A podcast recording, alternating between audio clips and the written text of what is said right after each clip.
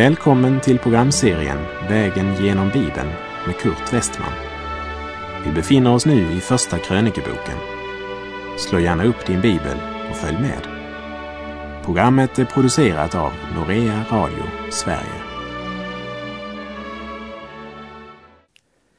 Vi har nu kommit till kapitel 26 i Första krönikebok där det handlar bland annat om dörrvaktarna i templet.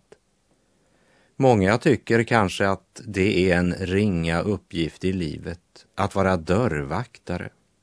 Men varken kung David eller Israels folk tyckte det.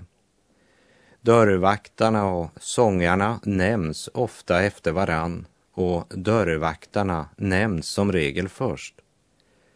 Templet var ju heligt område och dörrvaktarnas uppgift var att se till att området inte blev vanhelgat men vördat och ärat som heligt område. David lägger det mönster som ska gälla för helgedomen och för övrigt i nationen. Allt blir organiserat noggrant och in i minsta detalj skisserar David uppgifter och fördelning. Så för Salomo gäller verkligen orden som Jesus uttalar i Johannes 4.38. Andra har arbetat och ni har gått in i deras arbete. För David hade samlat det allra mesta av materialet till tempelbygget. Han organiserade prästerna och leviternas skift och han fastställer vilken vaktordning som ska gälla. Och nu har David kommit till dörrvaktarna och även för dem har han en mycket klar och strukturerad arbetsinstruktion. Första krönikerbok kapitel 26 och vers 1. Beträffande dörrvaktarnas avdelningar så hörde till koraiterna Meselemja, Kores son av Asafs barn. Kapitlet börjar med orden beträffande dörrvaktarna. Och så får vi höra att de indelas på samma sätt som prästerna, leviterna, sångarna och andra som ska ha en uppgift i templet. Och vi läser från vers 12 och 13. Dessa avdelningar av dörrvaktarna, nämligen dessa deras huvudmän, fick nu liksom deras bröder sina åligganden att göra tjänst i Herrens hus. Och om varje port kastade det lott, den minste såväl som den störste efter sina familjer. Man låter lottkastning avgöra placeringen, vilket ofta praktiserades av Israels barn helt in i nytestamentlig tid. Och lottkastningen gör att ingen kan känna sig orättvist placerad. Och den första porten man placerar väktare vid är porten österut. Och den lott som angav öster föll på Selemja. När man vandrade genom öknen så skulle tabernaklet alltid sättas upp så att ingången vände österut och på framsidan österut hade Juda stam sitt läger. Hela den gammaltestamentliga gudstjänsten var vänd mot öst, österut mot solens uppgång. Och profeten Malak i kapitel 4, vers 2 säger Men för er, ni som fruktar mitt namn, ska rättfärdighetens sol gå upp med läkedom under sina vingar. Hela den gammaltestamentliga gudstjänsten pekade mot solens uppgång. Tabernaklets ingång var alltid vänd mot öst. Efter att Selemja och hans släkt fått sig tilldelat porten mot öster så fördelas också de andra riktningarna i tur och ordning alla dessa var utvalda till dörrvaktare och insattes att tjäna på heder och tro av kung David. Och det folk som har satt Guds ark i centrum betraktar också dörrvaktarens uppgift som mycket viktig. Vi läser Första krönikerbok 26, vers 20. Och av leviterna hade Ahia uppsikten över Guds hus skatter och vården om det förråd som utgjordes av vad som hade blivit helgat åt Herren. Ahia fick ansvaret att vårda de enorma skatter som efterhand hade samlats både från Israel och från andra folk. Och Setam och hans broder Joel hade uppsikten över skatterna i Herrens hus och Sebuel, ett barnbarn till Mose, blev överuppsyningsman över skatterna. Vi läser vers 26 till och med 28. Denne Selomot och hans bröder hade uppsikten över alla förråd som utgjordes av vad som hade blivit helgat åt Herren av kung David. Likaså av huvudmännen för familjerna och även av över och underhövitsmännen och av härhövitsmännen. Av krigsbyten hade de helgat detta för att hålla Herrens hus vid makt. Likaså allt vad siaren Samuel och Saul, Kis son, och Abner, Ners son, och Joab, Serujas son, hade helgat. Kort sagt, var och en som helgade något lämnade det under Selomits och hans bröders vård.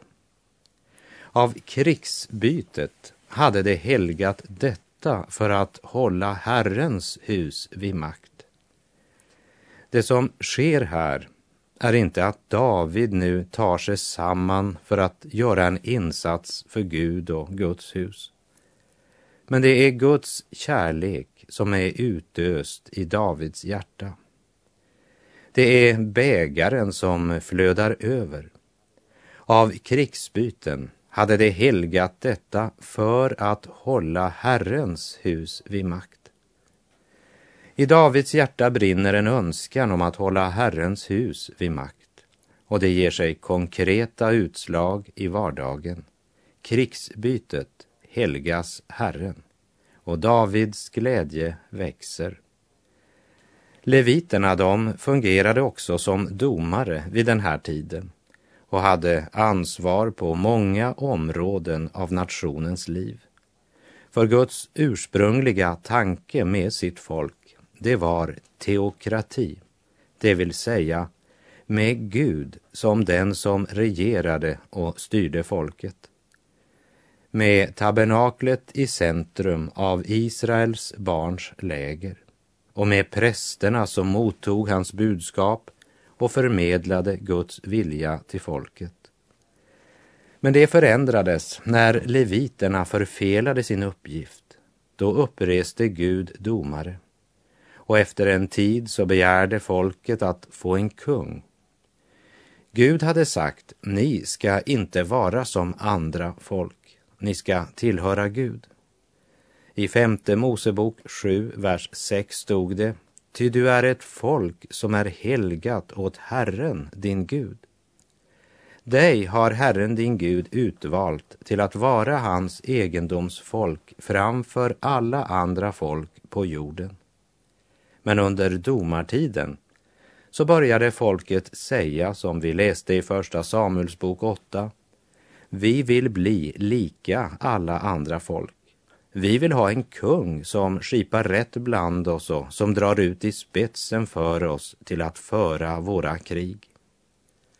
Folket krävde att få en kung och det är orsaken till att David nu sitter på Israels tron. Och Davids önskan är att Israel åter ska komma in under Guds kontroll. Allt är underbart i min faders hus, i min faders hus, i min faders hus. Allt är underbart i min faders hus, där är fröjd, fröjd, fröjd. Jesus vägen är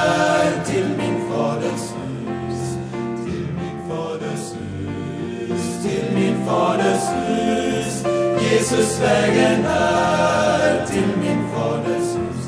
Där är fröjd, fröjd, fröjd. Vill du följa med till min faders hus? Till min faders hus, till min faders hus. Vill du följa med?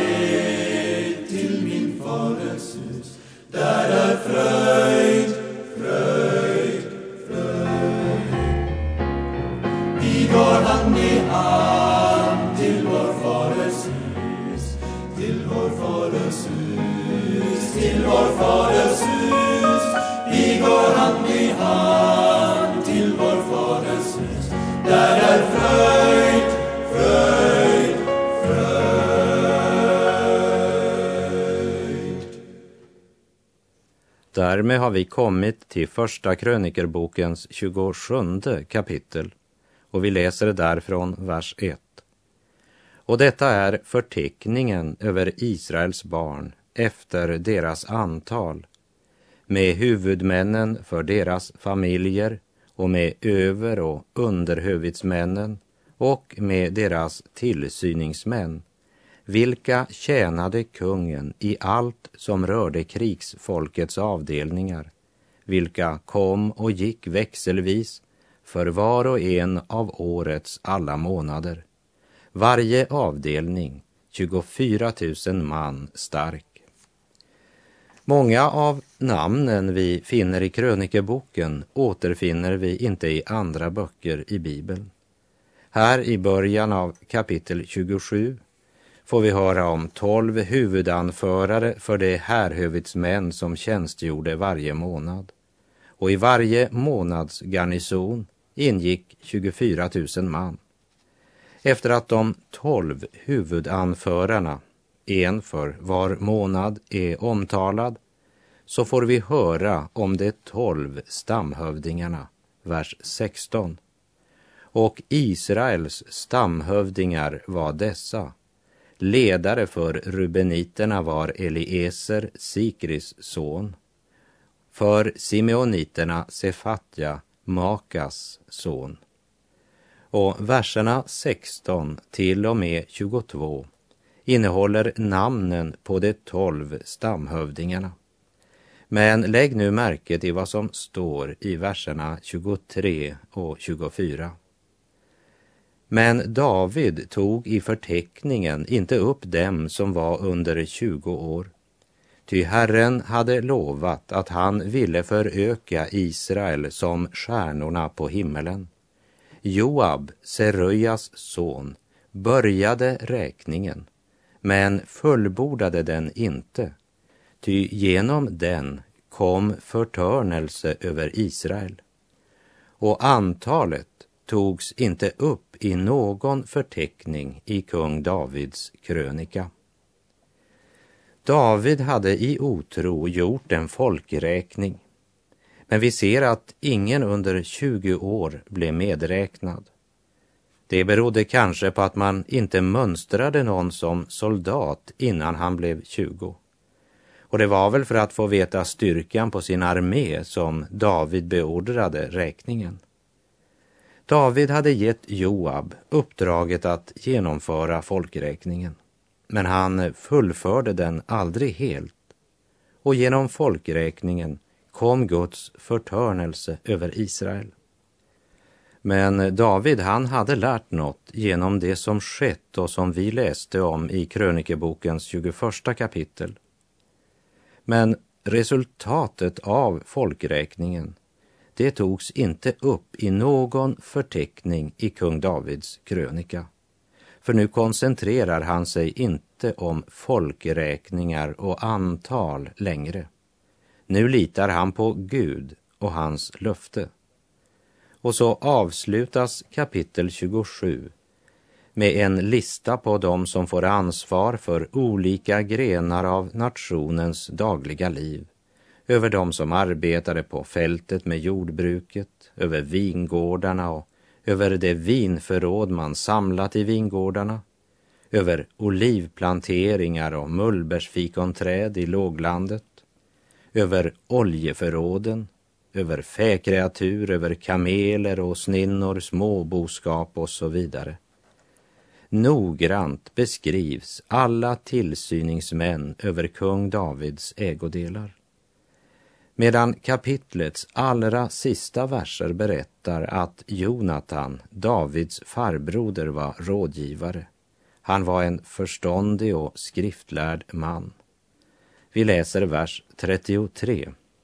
Ahitofel var kungens rådgivare och arkiten Husai var kungens vän. Här vill jag bara nämna att Ahitofel senare blev till mycket stor besvikelse för David eftersom han gav sitt stöd till det uppror som Davids son Absalom startade. Därför nämns i samma sättning att efter Ahitofel kom Jojada, Benajas son och Ebjatar. Många av dem som nämns var ju vänner till David. Så när Husai speciellt namnges som Davids vän i vers 34 så kan det bero på hans sätt att agera under Absalons uppror som du kan läsa om i Andra Samuelsbokens 17 kapitel. Första krönikerbokens 27 kapitel har visat oss att Davids administration var mycket välorganiserad med klar fördelning av ansvar och uppgifter. Och vi sammanfattar kapitlet med att repetera Jesu ord i Johannes 4.38 med tanke på Salomo. Andra har arbetat och ni har gått in i deras arbete. Och det kunde i högsta grad sägas om honom som efterträdde herdepojken David, som Gud hade smort till kung över Israel. För David hade satt arken i centrum. Han hade samlat det mesta av byggnadsmaterialet till tempelbygget.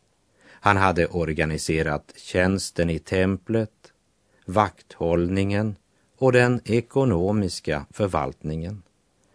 Israel har aldrig haft en sådan kung som David och får det inte heller förrän Herren Jesus Kristus kommer och upprättar sitt rike. Ty för honom ska varje knä böja sig och varje tunga ska prisa honom som Herre och lova hans heliga namn. Jag har hört om pärleporten och om livets sköna flod i ett land där död är borta och vår själ är ren och god. Genom hela evigheten skall jag bo i Herrens hus, dagar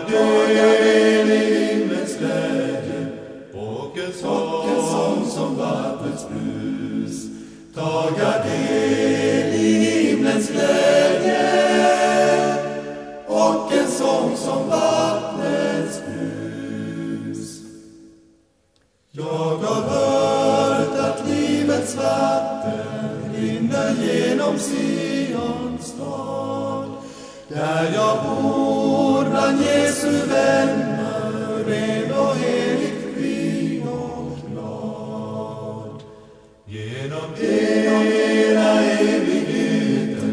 Skall jag bo i Herrens hus. Taga del i himlens glädje och en sång som vattnets brus. Taga del i himlens glädje och en sång som vattnets brus. Och då har vi faktiskt kommit till kapitel 28 i Första krönikebok.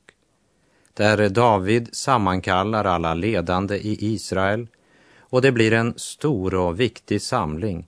Och det blir en av de sista som David har eftersom han närmar sig slutet av sitt liv. Han har ett budskap till sitt folk Israel och han har ett budskap till sin son Salomo. Och även det budskapet blir uttalat så att nationen kan höra det. Och just det var ett mycket smart drag av David.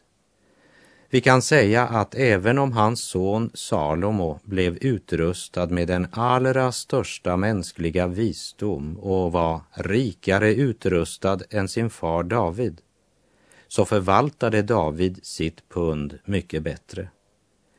David har genom ett långt liv lärt att tänka på Gud först. Han vet att det är Gud som har fört honom på rätta vägar för sitt namns skull, som han uttrycker det i den 23 Psaltarpsalmen. Nu samlar han de ledande i nationen och talar till dem. Första krönikerbok kapitel 28, vers 1 och 2. Och David samlade i Jerusalem alla Israels hövdingar, stamhövdingarna, häravdelningarnas hövitsmän, dem som var i kungens tjänst, och över och underhövitsmännen och tillsyningsmännen över alla kungens och hans söners ägodelar och boskap. Likaså hovmännen och hjältarna och alla tappra soldater.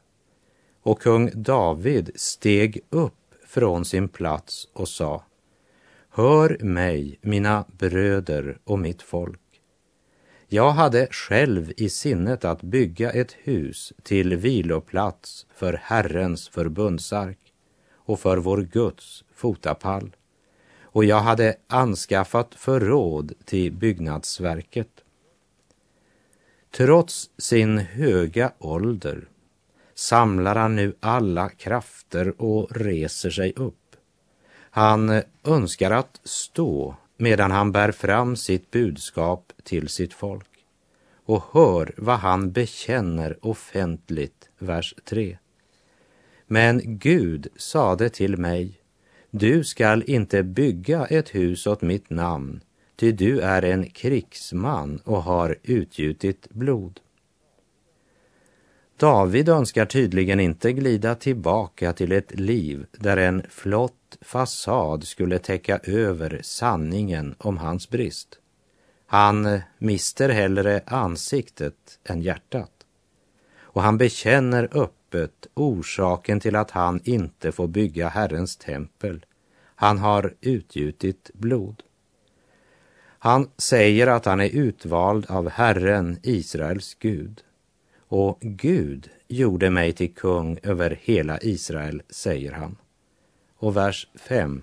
Och bland alla mina söner, ty Herren har gett mig många söner, utvalde han min son Salomo till att sitta på Herrens kungatron och härska över Israel.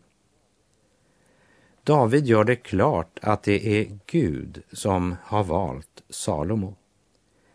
Det var nog andra av hans söner som var starkare, modigare och var mera passande i Davids ögon.